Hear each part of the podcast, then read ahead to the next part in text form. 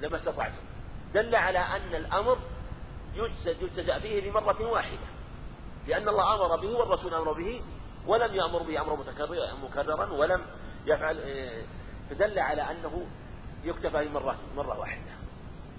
فلهذا الأمر المطلق للمرة الواحدة وما سواه بدليل يدل عليه. وللفور هذه مسألة أخرى أيضا. هل يجب امتثال الأمر مباشرة أو يجوز التراخي؟ هذه فيها خلاف ذهب جمع من العلم إلى أنه يجوز التراخي وهو قول الشافعي أو إحدى الروايات عنه. وذهب الأكثر إلى أنه للفور وهذا أظهر وأن أوامر الشرع للفور. أوامر الشرع يجب امتثالها. ولهذا لو قيل إنه ليس على الفور أوامر الشرع ليست على الفور قيل طيب إذا كان إذا أمر الله بأمر وهو ليس على الفور هل هو إلى غاية أو ليس إلى غاية أو إلى غاية مجهولة؟ إن كان ليس إلى غاية هذا يفضي إلى عدم وجوبه وهذا باطل. وإن كان إلى غاية فهو المقصود ويكون الوجوب بهذه الغاية. وإن كان إلى غاية مجهولة فهو مجهول ولا يعلم بعمل مجهول فثبت أنه يجب أن يكون الأمر أن يجب المبادرة إلى الامتثال وأن أوامر الشرع على الامتثال. ولهذا كان وجوب الحج على الفور. ولهذا قال الرسول إن الله كتب عليكم الحج فحجوا. دل على أنه يجب الحج على الفور. وهكذا سائر أوامر الشرع ما أمر الله به الشرع من الكفارات وغيرها التي يقع فيها المكلف فيجب المبادرة على بها وكذلك الزكاة مثلا إذا حال الحول فهي على الفور وكل ما أمر به فإنه يجب لكن بحسب الإمكان بحسب الإمكان. ومن ذلك مثلا من نام عن صلاة ونسي قال قال عليه الصلاة والسلام من نام عن صلاة ونسي فليصليها إذا ذكرها. لا كفارة إلا ذلك. يجب عليه أن يصلي وأن يبادر ولا يجوز أن يؤخر لأن أوامر الشرع على الفور. وفعل عبادة لم يقيد بوقت متراخيا. أو مقيد به أو مقيد به بعد بعد قضاء قضاه قضاء بالأمر الأول. هذا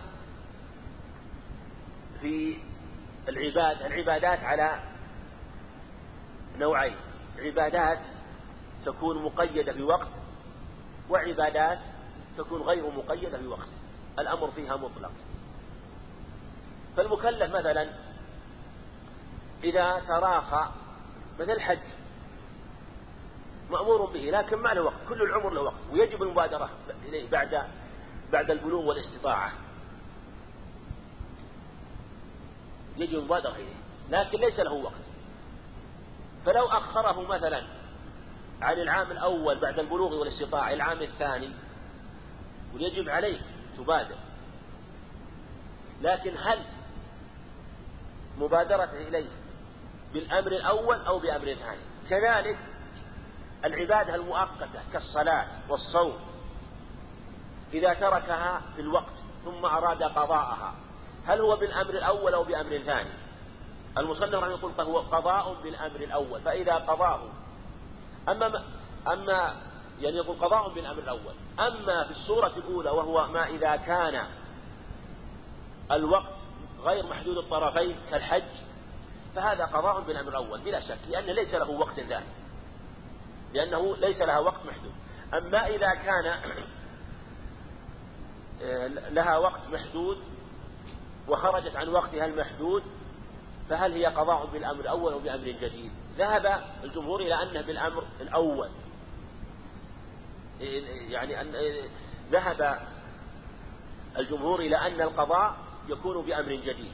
والمصنف رحمه الله قول بعض من العلم إلى أنه بالأمر الأول. والأظهر أن ما كان محدود الطرفين ثم خرج عن وقته فقضاؤه يكون بأمر جديد لا بالأمر الأول.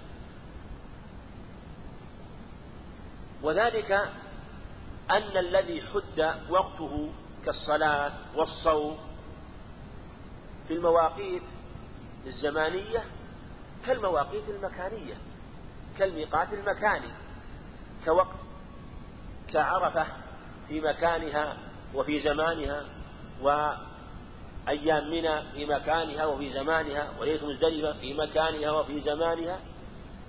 فإذا كانت هذه الحدود بأمكنتها وأزمنتها لا يجوز قضاؤها يعني لا تصح.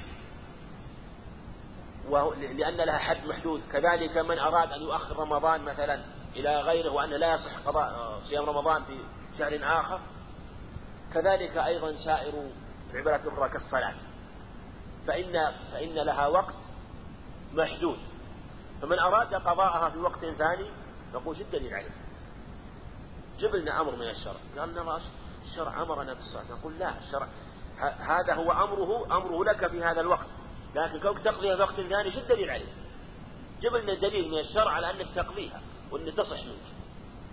يقول قوله عليه السلام من نام عن صلاة أو نسيها فليصليها إذا كره يقول هذا أن يكون حجة عليك أقرب من أن يكون حجة لك. لأن هذا في المعذور مثلا والمعذور هو في الحقيقة هذا وقته هذا وقته.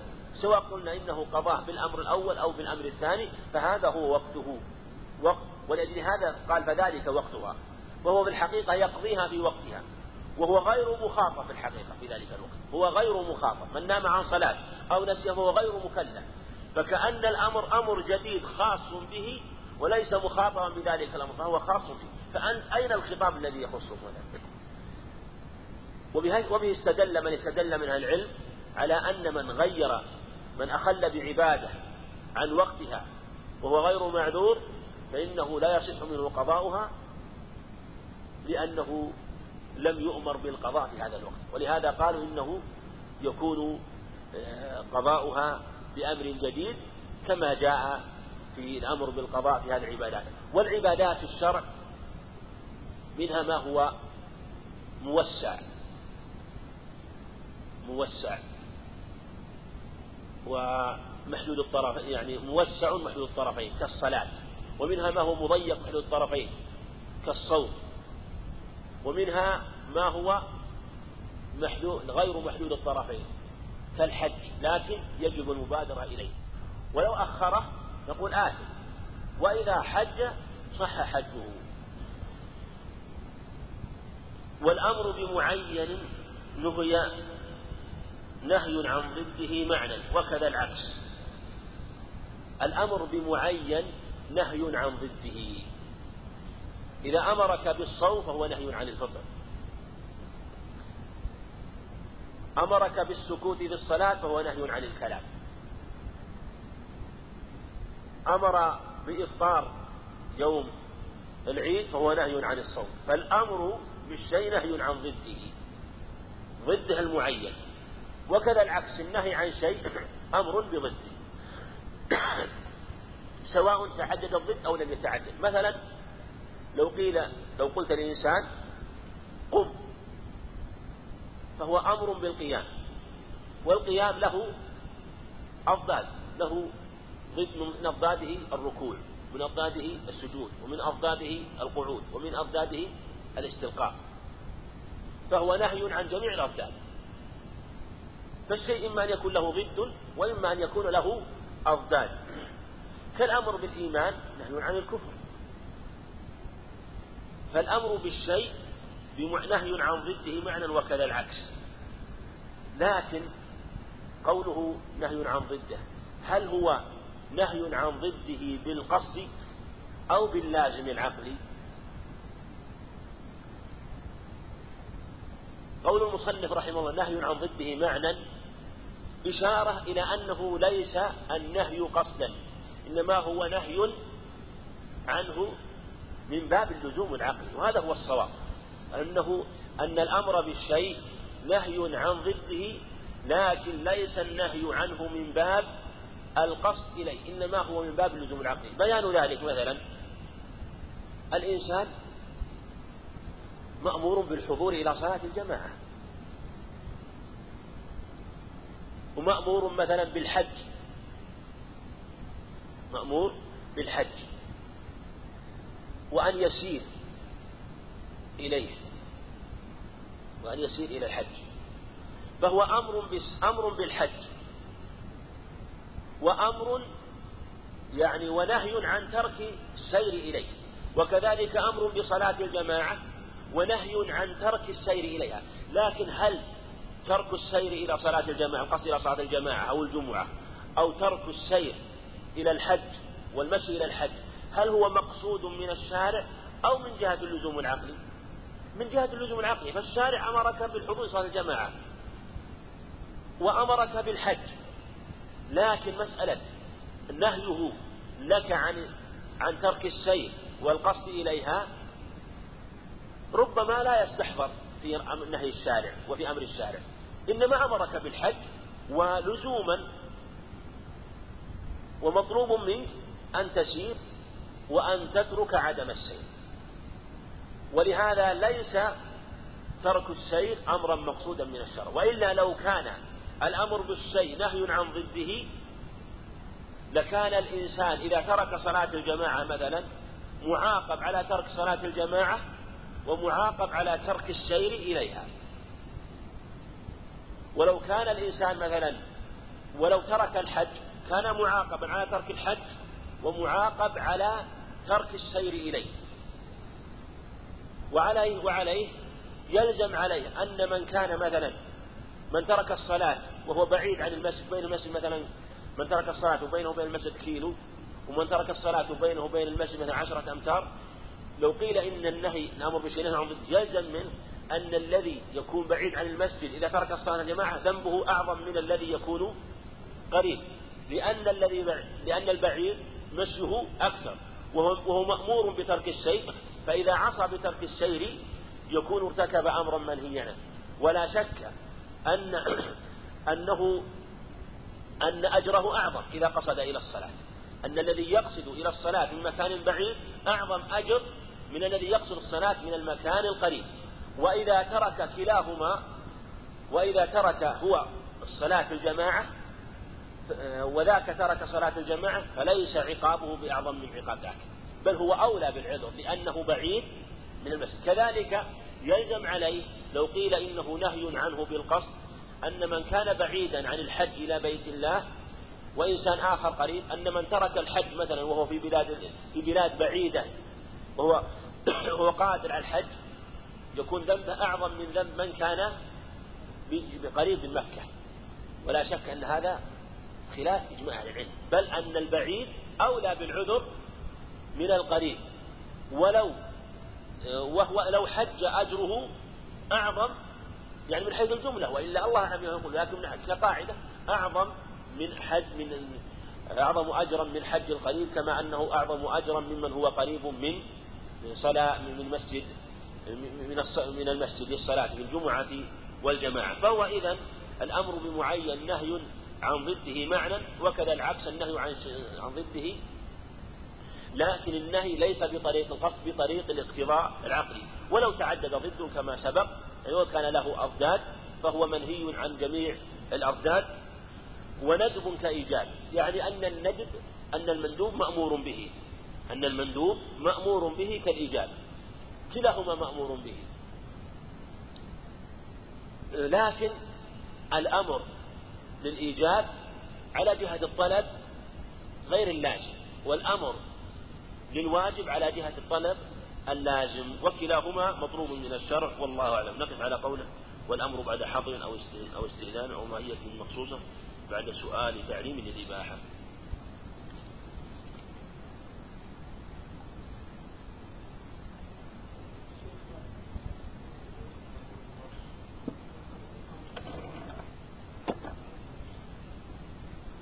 الصواب الله ماذا يعني الأمر عندهم أعظم أقول الأمر أعظم يعني أعظم من جهة الأجر وأعظم من جهة الطلب لأنه مطلوب الوجود والنهي مطلوب الإعدام وما طلب وجوده أعظم مما طلب إعدام لكن يحمد رحمه الله أنه قصد أن النهي من جهة أنه مأمور باجتنابه مطلقا. لأن إذا نهي عن شيء نهي عن جميع الجائع وإذا ولهذا أمر نهي عن الشيء مطلقا. وإذا أمر بشيء فيحصله بقدر إذا نهيتكم عن شيء فاجتنبوه. وإذا أمرتكم بأمر فأتوا منه ما استطعتم. قال المصنف رحمه الله تعالى والأمر بعد حضر والأمر بعد حضر أو استئذان أو بماهية مخصوصة بعد سؤال تعليم للإباحة. الأمر بعد حضر يقول للإباحة.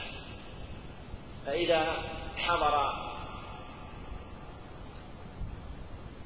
إنسان على إنسان شيء أو حضر الشارع على المكلف شيء ثم بعد ذلك أمره به. فإن الأمر الثاني يقول يزيل الحظر. وإذا أزال الحظر يبقى أصل الإباحة. ولهذا قال قال قوله سبحانه فإذا حللتم فاصطادوا. قالوا إنه إنه بعد الحل الصيد مباح فإذا انسلخ الأشهر نفق المسلمين حيث نكتبوه يكون للإباحة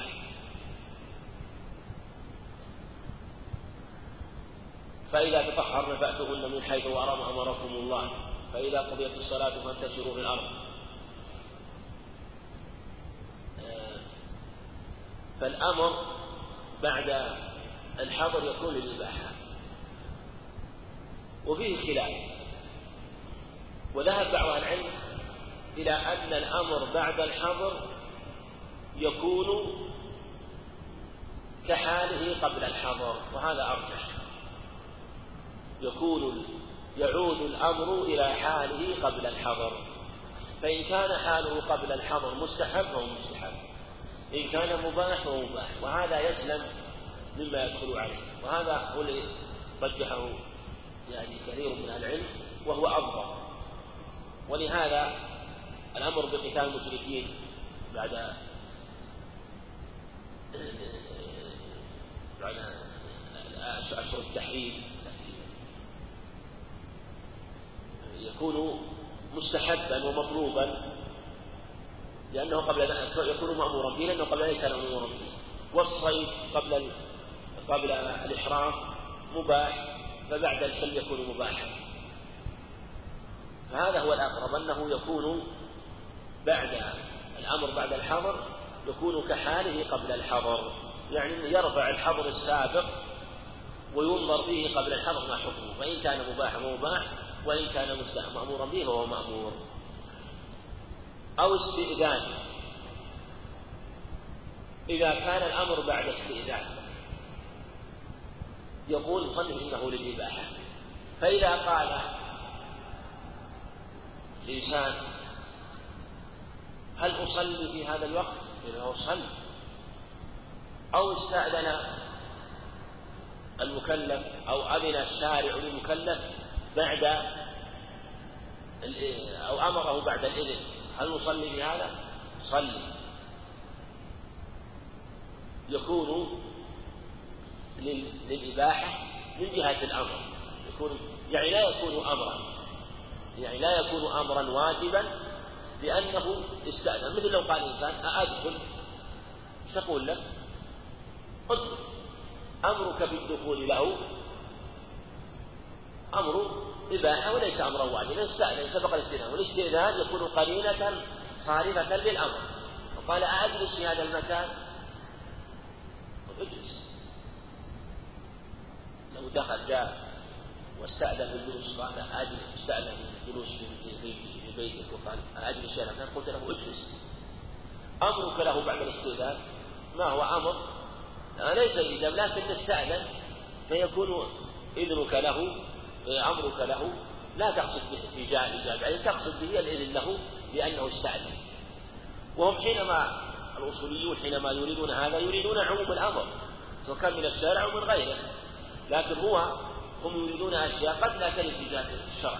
لكن هي لو جاءت في الشرع و وبعضها لها أمثلة. إذا جاءت في الشرع تكون على هذا الحكم تكون على هذا الحكم. بعد أو بماهية مخصوصة بعد سؤال بعد سؤال تعليم بعد سؤال تعليم. هذه هي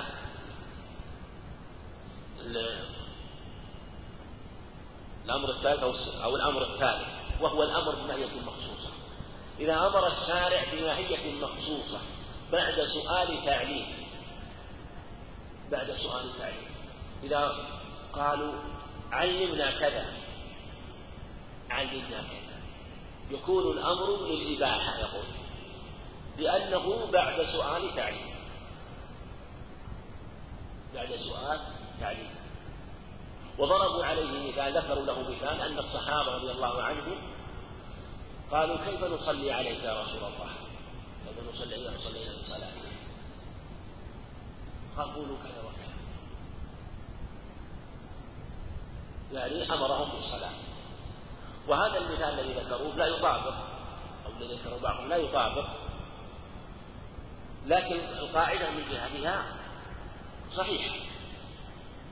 إذا سأل إذا إذا أمر بماهية مخصوصة افعل كذا قال ما لا أفعل؟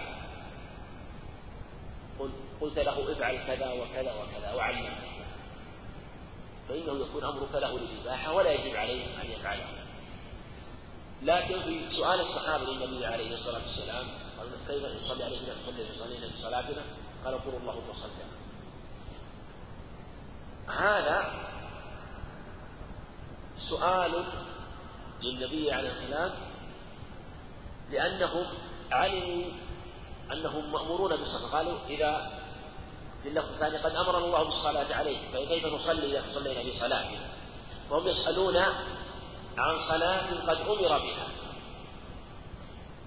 فإذا لو أخذت القضية مجردة والقصة مجردة صح التنفيذ لكن ربما من مثل بها أراد مع قطع النظر عن الأمر بالصلاة على النبي عليه الصلاة فإن أراد مع قطع النظر بالأمر فلا بأس. لكن الأمر الصلاة عليه السلام مطلوبة وليست مباحة لأنهم سألوه عن ماهية أمر بها لا عن ماهية وكيفية هم سألوه ابتداء ولم يؤمروا بها. لو أن إنسان سأله قال كيف أفعل؟ كيف آه، أتعلم مثلا هذه المسألة؟ أو كيف مثلا سألك؟ كيف أصلح هذا الجهاز؟ قال قلت له افعل كذا وكذا وكذا. سألك عن أمر يريد أن تعلمه إياه قلت أمرك له بأن يفعل كذا وكذا ليس أمرا بالوجوب لماذا؟ لأنه سبق أن سألك عن شيء هو يجهله وأراد منك أن تعلمه فأمرته أن يفعل كذا وكذا. أما إذا كان الشيء مسؤول عنه تقدمه أمر وسئل عن كيفية الصفة فهو سؤال عن أمر مجمل يريد, يريد أرادوا من النبي عليه السلام أن يبينه لهم فلهذا قال قولوا كذا وكذا. ونهي بعد أمر للتحريم. هذا عكس الأمر بعد الحظر النهي بعد الأمر سلم به. والأظهر كما قال المصنف رحمه الله النهي بعد الأمر للتحريم. فإذا أمر الشارع بشيء ثم نهى عنه فالنهي للتحريم. ولا يقال إن النهي يكون للإباحة. ويكون آه، أمره الأول صارف للنهي له لأن النهي أقوى من الأمر من جهة أن النهي من باب درء المفاسد والأمر من باب تحصيل المصالح. وما كان من باب درء المفاسد فهو مطلوب الإعدام وما كان مطلوب الإعدام فيجب الانتهاء عنه ولهذا قال عليه الصلاة إذا أمرتكم بشيء فاجتنبوه إذا نهيتكم عن شيء فاجتنبوه وإذا إذا أمرتكم بأمر فأتوا منه ما استطعتم وإذا نهيتكم عن شيء فاجتنبوه. ثم النهي عكس الأمر.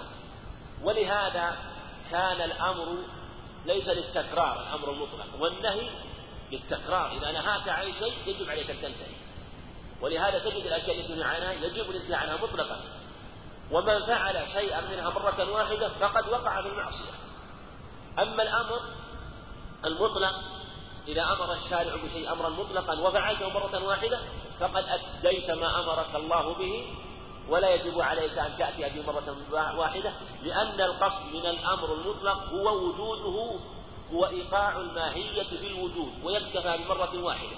والنهي عن الشيء الواء هو نهي عن وجود الماهية مطلقا.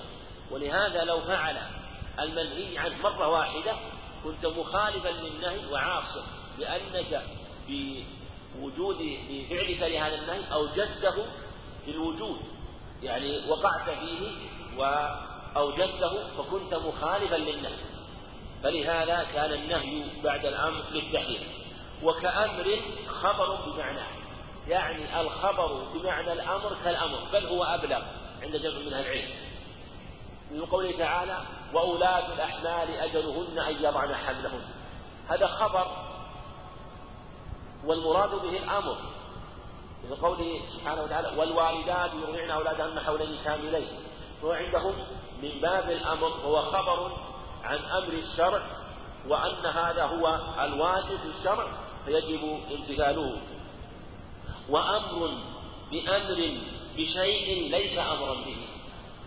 هذه قاعدة. يقولون هل الأمر بالأمر بالشيء أمر به أو ليس أمرا به؟ وبالحقيقة التفصيل فيها هو الذي يزيد الإشكالية ولهذا من أمر إنسان يعني يعني أو معناها أولا هل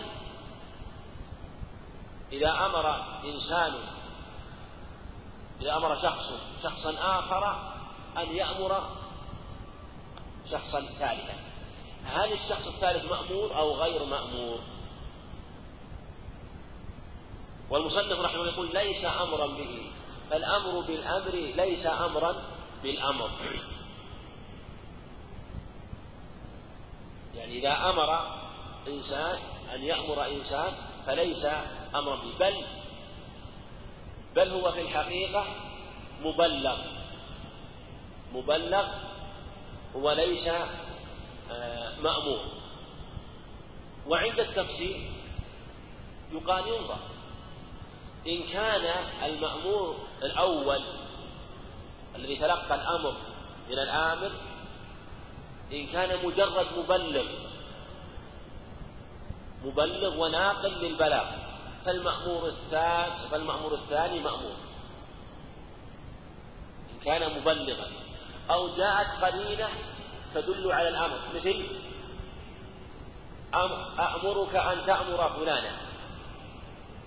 فالمأمور الثاني مأمور وعلى هذا في الغالب أوامر الشرع. ولهذا تجد الرسول عليه الصلاة والسلام قال يعني ابن عمر مره فليراجعها أمر عمر رضي الله عنه أن يأمره. قال مره. دلت القرينة على أنه مأمور ومن القصة على أنه مأمور. ففي الغالب أنه في أوامر الشرع تأتي الأدلة واضحة. تأتي الأدلة واضحة على أنه هل هو مبلغ هل هو مأمور أو ليس مأمور. مره فليراجعها مروا في حديث مالك بن خويرث قال مروهم بالصلاة في كذا. لما رجعوا من عند النبي قال ارجعوا إلى أهليكم ومروهم بالصلاة. أمرهم أن يأمروه فهم مأمورون. في قوله عليه السلام مروا أولادكم بالصلاة للسابع نقول ليس الأمر أمرا. ليس الأمر ليس الأمر بالأمر أمرا في هذا الحديث.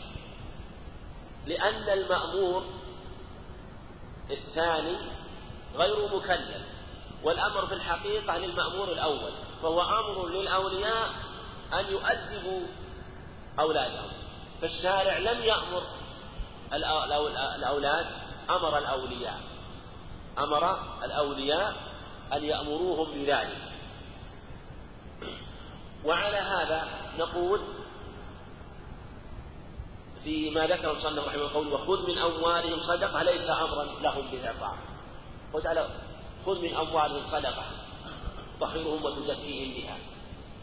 يقول ليس أمرا لهم بإعطاء يعني يقول إنهم ليسوا مأمورين بالإعطاء قد تقول طيب أليس بدفع الزكاة؟ عليهم. نقول هو المصنف يقول يعني من جهة الآية. يعني لو أخذت الآية مجردة ليس أمرا بإعطاء لكن أجل يعني دلت الأدلة على أن المكلفين مأمورون بطاعة الرسول وأن الرسول عليه السلام مبلغ لهم وأن طاعته واجبة. فهم مأمورون من هذه الجهة. فالقرينة من خارج الآية لا من الآية نفسها فهو يريد من جهة الآية مجردة ليس أمرا لهم بالإعطاء ولهذا لو قال إنسان خذ من فلان خذ من فلان صدقة. وليس له عليه أمر. ليس أمرا على ذات الثالث. فلهذا نقول إذا كان الأمر الصادر ينظر في الأمر الصادر. إن كان من الشارع إن كان الأمر بالأمر بالشيء. أمر صادر من الشارع فهو على قسمين أن يكون المأمور الأول والمأمور الثاني كلاهما مكلف. فعلى هذا يجب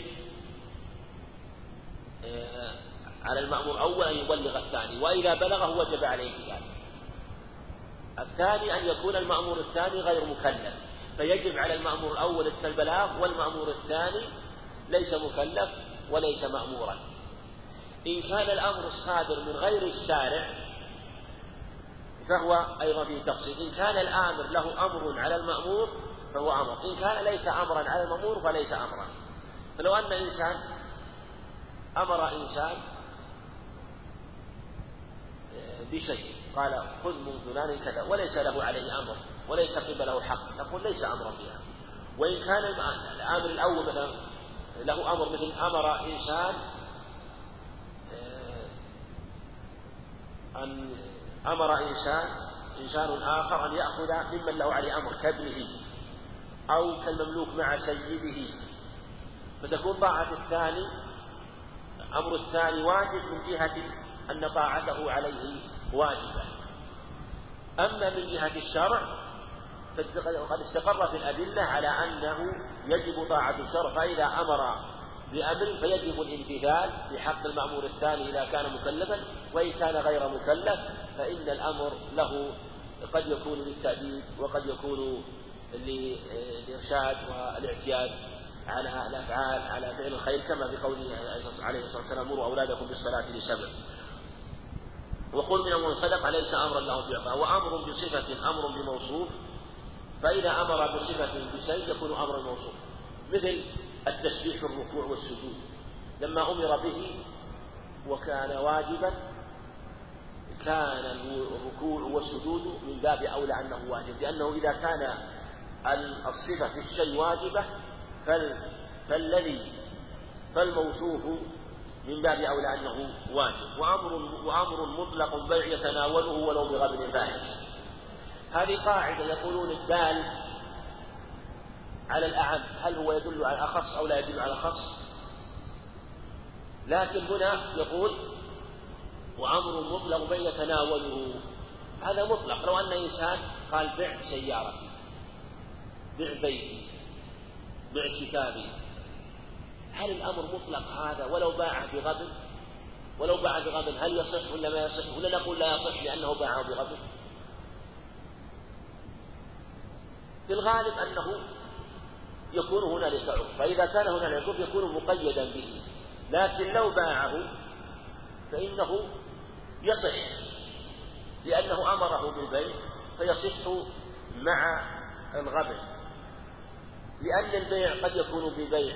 بغبن وقد يكون بغير غبن فهو أمر مطلق فيشمل هذا وهذا.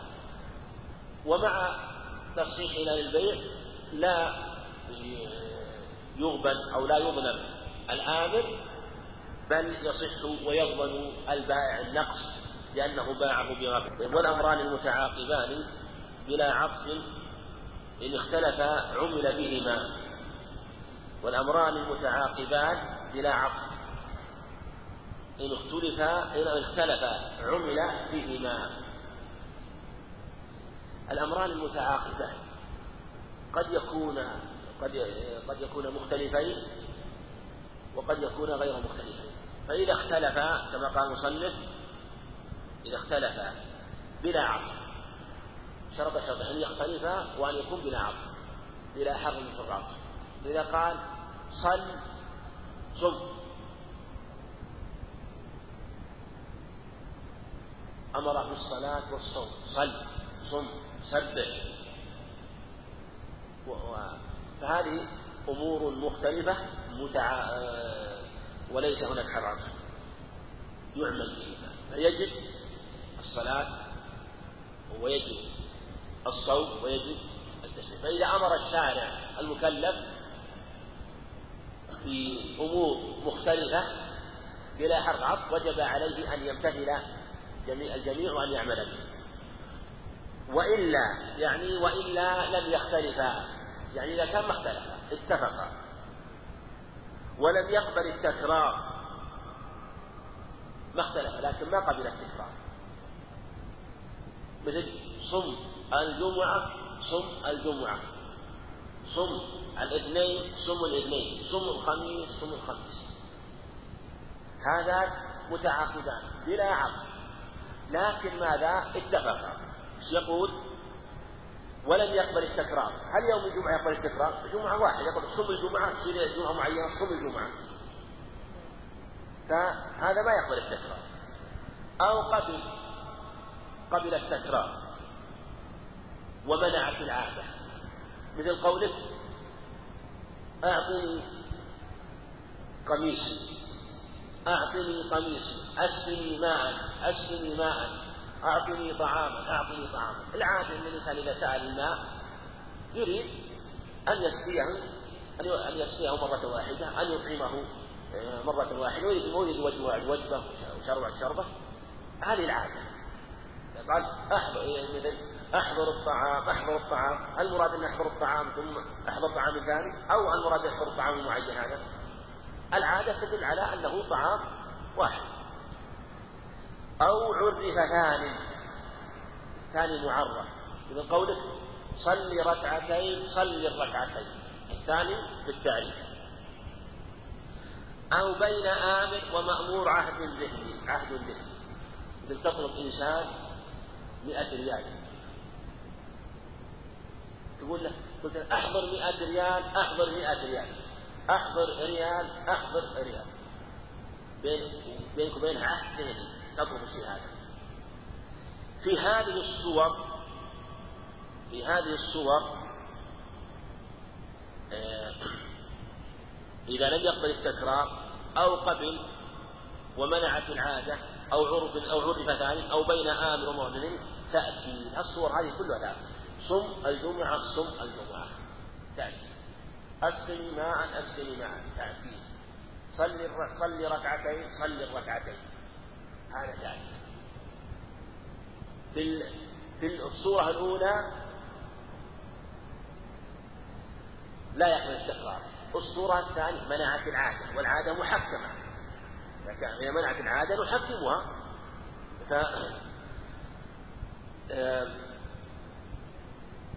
أو صلي ركعتين ثم قال صلي الركعتين. إذا قال صلي الركعتين فإذا عاد آه، معرفا فإنه يكون يراد به الركعة آه، الركعتين المعهودتين. ولهذا قال إن مع العسر يسرا إن مع العسر يسرا. مع تعريفهما هو واحد لكن إذا كان أحدهما معرفا. ولهذا كان عسرا واحدا مع يسرين ولم يغلب عسر يسرين. في هذه أما إذا عرف أحدهما فالمصنف رحمه الله أيضا يقول هنا أنه يكون تأكيد ولا يكون تأسيسا. هذا واضح. وإلا فتأسيس. يعني فتأسيس كبعد امتثال. في هذه إذا كان ما منعت العادة. ولم يعرف الثاني وقبل التكرار. تأسيس. وبلا عطف مثل صلي ركعتين بعده ها؟ صلي ركعتين. صلي ماذا؟ يعني على على قوله وإلا فتأسيس مثاله. الأول إذا كان إذا إذا كان مثلا لم تمنع العادة ولم يعرف الثاني نعم وقبل التكرار وقبل التكرار. وليس هنالك شيء معروف. صلي ركعتين صلي. لا إذا قلت ركعتين عرف. فإذا عرف كان الماء الماء يراد الركعتان الأوليان التي أمر بهما صلي ركعتين صلي ركعتين.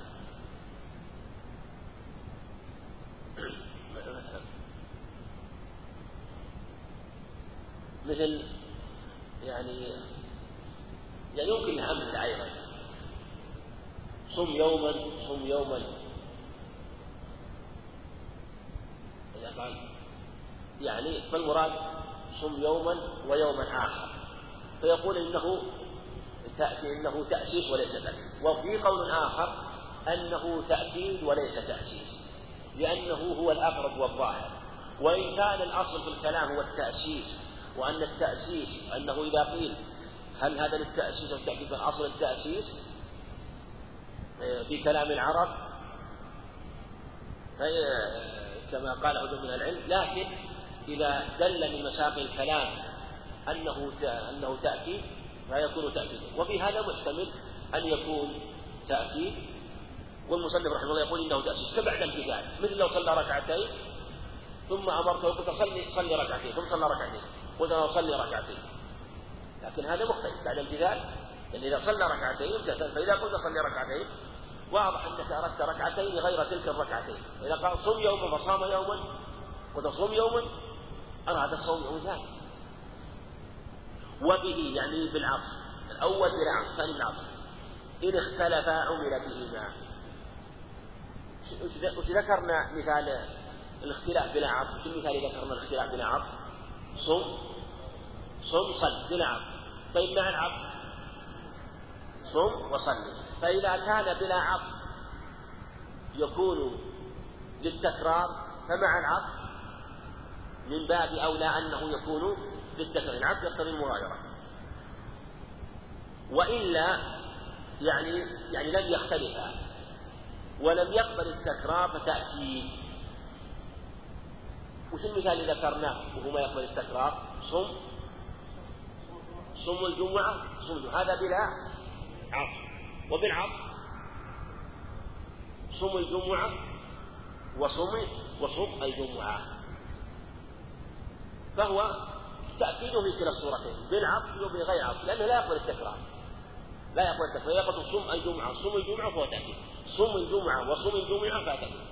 فهذه الأمثلة أيضا لو جاء من الشارع أنه أمر بذلك أو أمر مكلفا بذلك فإنه يكون للتأكيد لا للتكرير سواء كان بالعطف أو بالعطف لأنه لا يقبل التكرار. وإن قبل إن قبل التكرار ولم تمنع هذا قبل التكرار مثل ويش؟ مثل ما ذكرناه؟ قبل التكرار. نعم. لا هنا وإلا يعني وإلا لم يختلف يعني.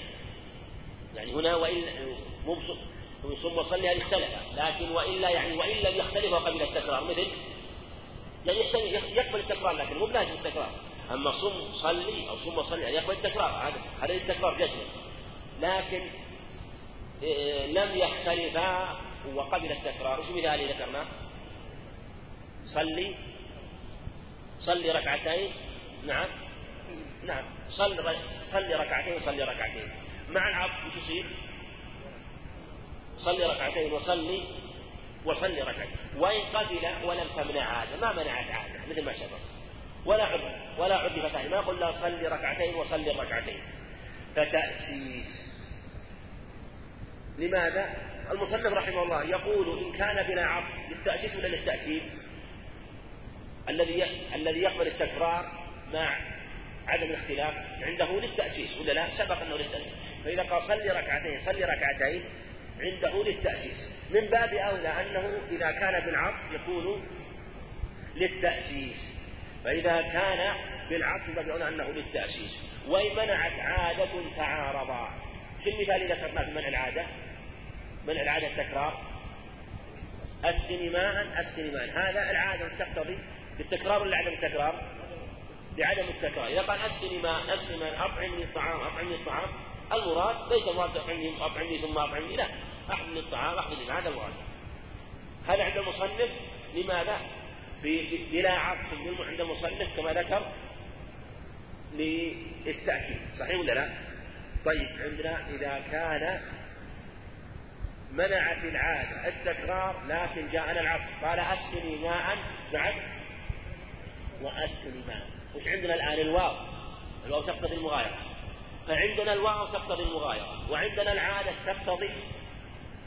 يعني ممكن عندنا الواو تقتضي التأسيس وعندنا العادة تقتضي التأكيد تقتضي التأكيد وإلا وعرف ثاني فتأكيد. هذه العبارة إنتهى الشريط وأنت سجل.